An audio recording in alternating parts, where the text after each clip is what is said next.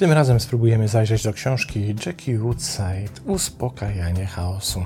Zapraszam.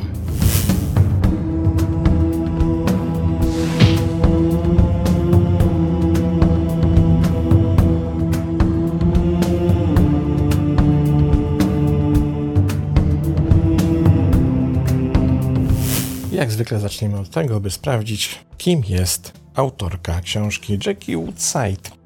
Jest licencjonowanym niezależnym klinicznym pracownikiem socjalnym, autorem bestsellerów, prelegentką TEDx, osobowością radiową i telewizyjną oraz liderem seminariów pasjonującym się poszerzaniem granic ludzkiego potencjału.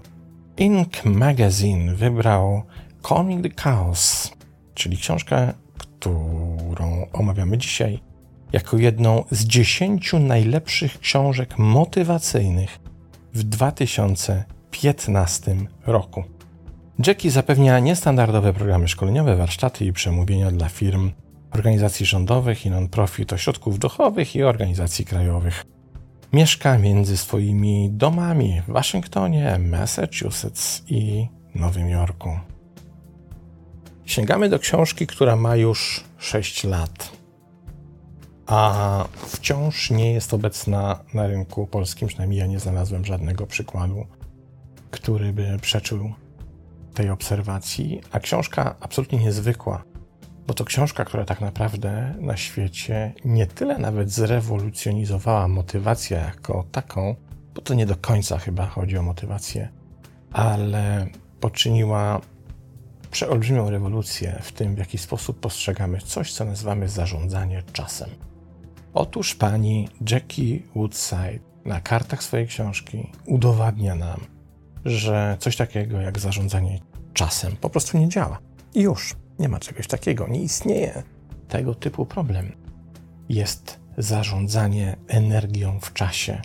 I to jest skuteczne narzędzie i skuteczna metoda naszej sprawczości, efektywności i czego byśmy tam chcieli, a nie samo proste zarządzanie czasem. Czy to oznacza, że te wszystkie książki, które do tej pory czytaliśmy o zarządzaniu czasem, powinniśmy między bajki włożyć?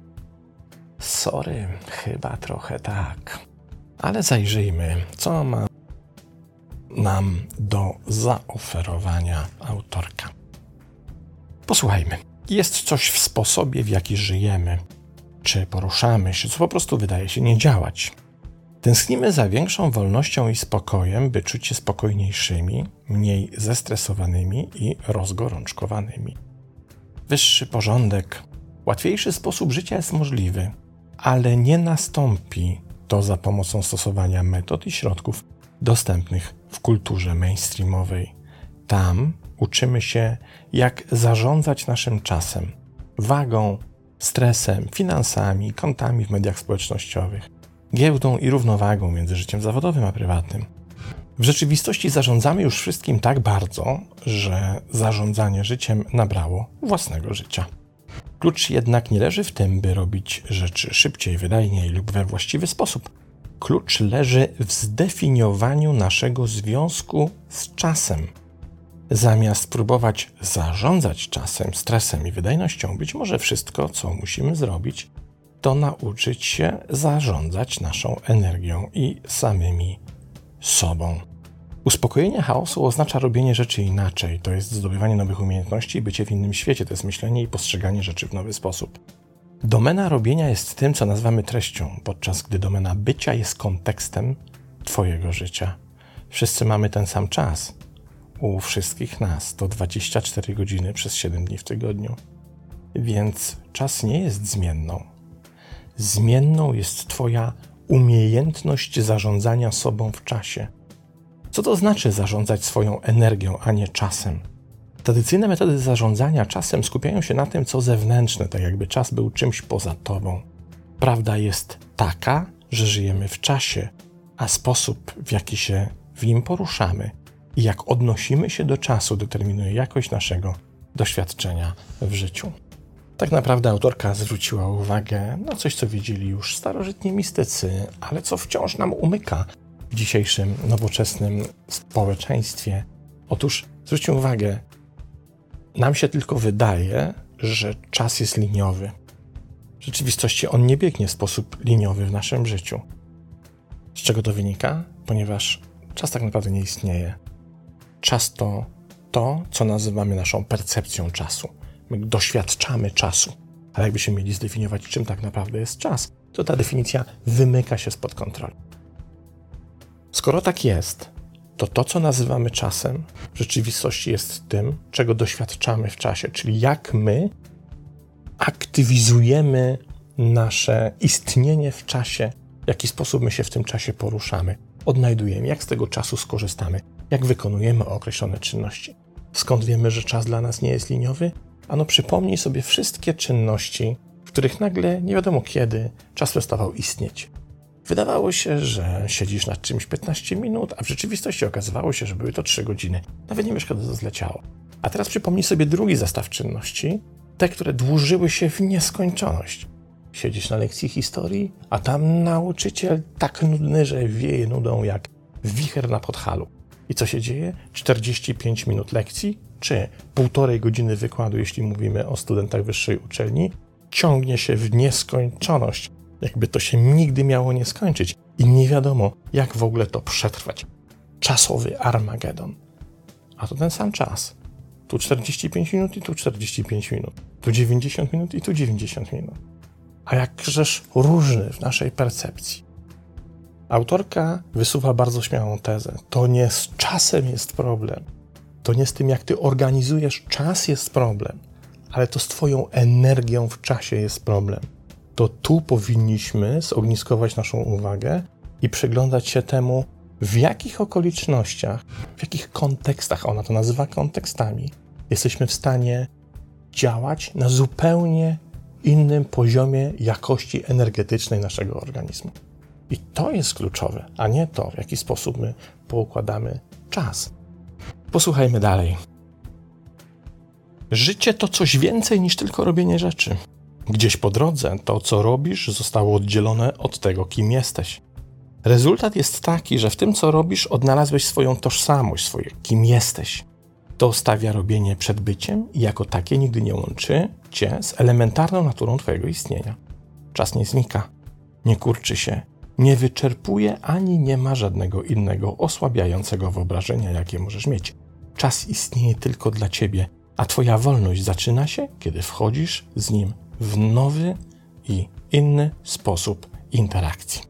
Nasze myśli, emocje, przekonania i postawy, nasz kontekst są falami energii, które tworzą fizyczną rzeczywistość. Niestety, zbyt często nasz kontekst pozostaje nieświadomy lub niezadeklarowany w jakikolwiek namacalny sposób, i w ten sposób dziedziczymy domyślny kontekst naszej kultury. A obecny stan domyślny to przytłoczenie i chaos. Przełóżmy to teraz na przykład praktyczny. Oto masz do zrobienia coś, co wymaga Twojego skupienia, spokoju, umiejętności analitycznych, umiejętności kojarzenia faktów, podejmowania decyzji, dokonywania wyborów. I źle się czujesz. To jest kiepski dzień.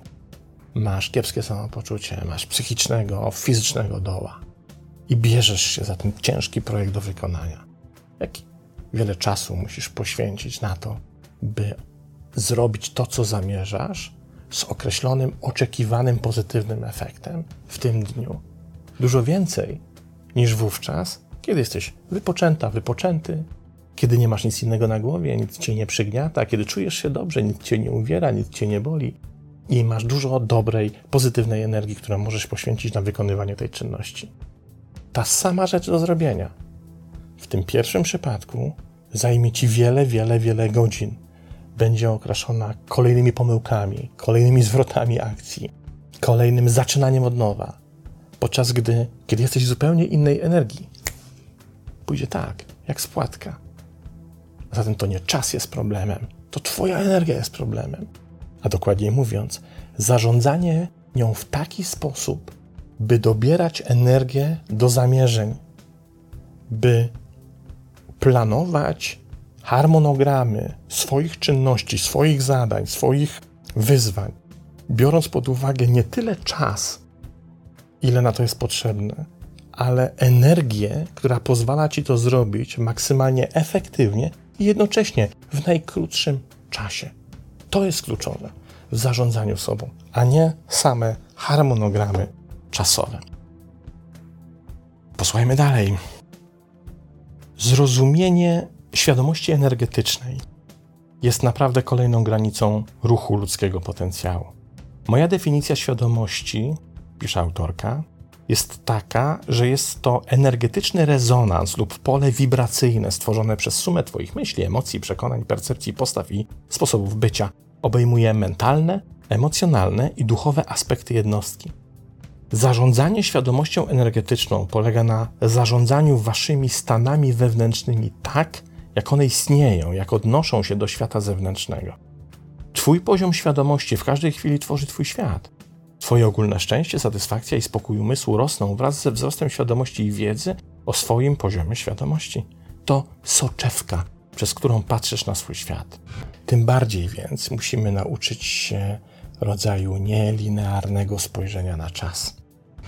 Musimy to zobaczyć w tych sekwencjach energetycznych, całą naszą aktywność, to w jaki sposób wygląda nasz dzień, w jaki sposób wygląda to, czym się zajmujemy, a nie tylko i wyłącznie, jakie są sekwencje naszych aktywności w czasie.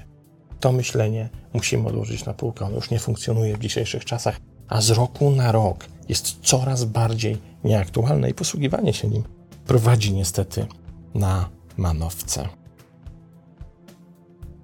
Autorka używa tutaj ciekawego przykładu, który również przytoczę, bo wydaje mi się dość istotny, żebyśmy zobaczyli, na czym tak naprawdę polega nasza świadomość energetyczna i co możemy konkretnie w naszym życiu, praktycznym życiu zrobić w praktyce dnia codziennego. Wyobraź sobie garaż. Oto masz garaż, z którego od pewnego czasu już nie korzystasz w jego podstawowej funkcji, czyli nie parkujesz tam samochodu, dlatego że ten garaż tak naprawdę przerodził się w składzik różnych rzeczy i materiałów. Masz tam cały stos różnych pudeł, bibelotów, różnych rzeczy, które przez miesiące, a może nawet lata układałaś czy układałeś, żeby kiedyś do nich wrócić, do których oczywiście to rzeczy w większości wypadków nie wracasz.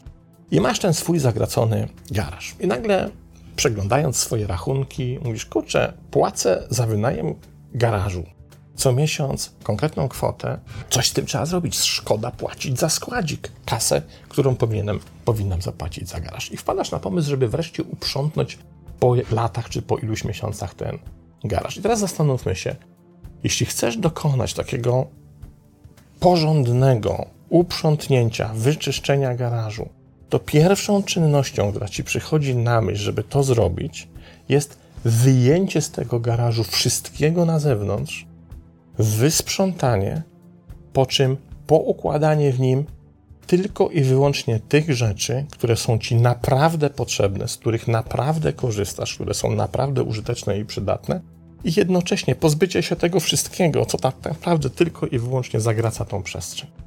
To jest podstawowa metoda na sprzątanie garażu. Teraz wykorzystując tę metaforę, wyobraźmy sobie, że tymi rzeczami, które sprzątamy w garażu, są czynności, które wykonujemy. Te pudełka to czynność. Małe pudełka, mała czynność, duże pudło, duża czynność. Robisz coś, angażujesz się w jakiś projekt. Ile w tym projekcie, w tej Twojej aktywności jest czynności, które są naprawdę Ci potrzebne, by zrealizować ten projekt, a ile w tym projekcie jest czynności, które wykonujesz nawykowo, z przyzwyczajenia, bo tak się kiedyś nauczyłeś, bo posługujesz się zdezaktualizowaną strategią, bo nagle coś odciągnęło Twoją uwagę i uważasz, że trzeba jakąś czynność wykonać, albo coś Cię zaciekawiło i wykonujesz jakąś czynność, która kompletnie nie ma nic wspólnego z tym dużym projektem, nad którym teraz siedzisz i pracujesz. Kiedy uprzątniemy ten garaż, wyjmiemy niejako na zewnątrz wszystkie czynności, które wykonujemy, dopiero wtedy widzimy, jak wiele z nich jest kompletnie niepotrzebnych. Jak je zatem rozpoznać? Jak dowiedzieć się, które są właściwe, a które nie? Które cię przybliżają do celu, a które tak naprawdę wyłącznie zajmują ci czas i pozbywają cię bardzo cennej energii. Otóż kluczem do zrozumienia tego, jakie czynności są istotne, jest intencja, i do tego nas przekonuje autorka. Zastanów się, co jest Twoją intencją w robieniu konkretnych rzeczy. Jaka jest główna intencja? Mówiąc inaczej, po co robisz to, co robisz? I nagle, kiedy uzmysłowisz sobie, po co robisz to, co robisz, zobaczysz, jak wiele czynności, które w tym, co robisz, wykonujesz, jest zbędnych, jak te twoje stare pudła zakurzone z garażu, do których nigdy nie zaglądasz. Tylko problem jest taki, że dopóty, dopóki one tam są, to ten garaż jest nie tylko zagracony, ale traci swoją funkcjonalność, no bo nie parkujesz tam samochodu, nie możesz tam niczym wjechać. Więc tracisz przestrzeń i tracisz tą kasę, którą wydajesz co miesiąc, płacąc za czynsz za ten garaż. Prosta sprawa, ale warto przemyśleć to i skorzystać z tych rad. Książka jest pełna tego typu przykładów, metafor oraz różnych technik i narzędzi, które mają nam pomóc w ogarnięciu tego życiowego, energetycznego chaosu, bo główna teza jest taka: my żyjemy w chaosie energetycznym i dlatego tak ciężko nam z organizacją czasu i samych siebie w czasie. A zatem, jakby wykorzystując tą metaforę garażu, autorka mówi: są trzy najważniejsze kroki. Krok pierwszy: zrewiduj to, co robisz. To jest to wyciągnięcie wszystkich pudeł na zewnątrz i zobaczenie, czym dysponujesz. Krok drugi: ustal, jaka jest prawdziwa intencja. Ustal swoje intencje. Po co robisz to, co robisz? I krok trzeci: zaplanuj siebie w czasie. Nie planuj czasu, planuj siebie w czasie. To znaczy, pozbądź się tych rzeczy, które się wyłącznie pozbawiają energii i nie poświęcaj się im więcej, bo one i tak do niczego nie doprowadzą, a wyłącznie marnują energię, czas, ciebie i zapał, którym mógłbyś dysponować. I na koniec ostatni cytat. Jedna wielka zmiana paradygmatu zaczyna się od stworzenia nowego kontekstu dla sposobu, w jaki trzymasz się i odnosisz do swojej aktywności. Ten system, ten nowy system nie ogranicza Twojej wolności, tworzy wolność. Może to brzmieć sprzecznie z intuicją, gdy myślisz o wprowadzeniu tego poziomu porządku i organizacji do życia w Twoim życiu, ale nie ma wolności bez wolności wyrażania swojej najgłębszej, najprawdziwszej jaźni. Przez jaźń zaś mam na myśli Twoją najwyższą ekspresję, Twój prawdziwy cel, Twoją najbardziej boską naturę. Nie ma wolności w życiu, kiedy żyjesz w chaosie, niepewnym tego, po co jest Twoje życie lub jak zmierzać w kierunku tego, do czego Twoje serce Cię wzywa. Ta zmiana widzenia siebie, ten nowy system może totalnie odmienić Twoje życie. Nie wiem właściwie, co jest bardziej ekscytujące i wyzwalające niż właśnie to. To tyle. Uspokajanie chaosu. Jackie Woodside. Ważna książka. 2015 rok. Myślę, że warto się nad nią pochylić. Do następnego razu.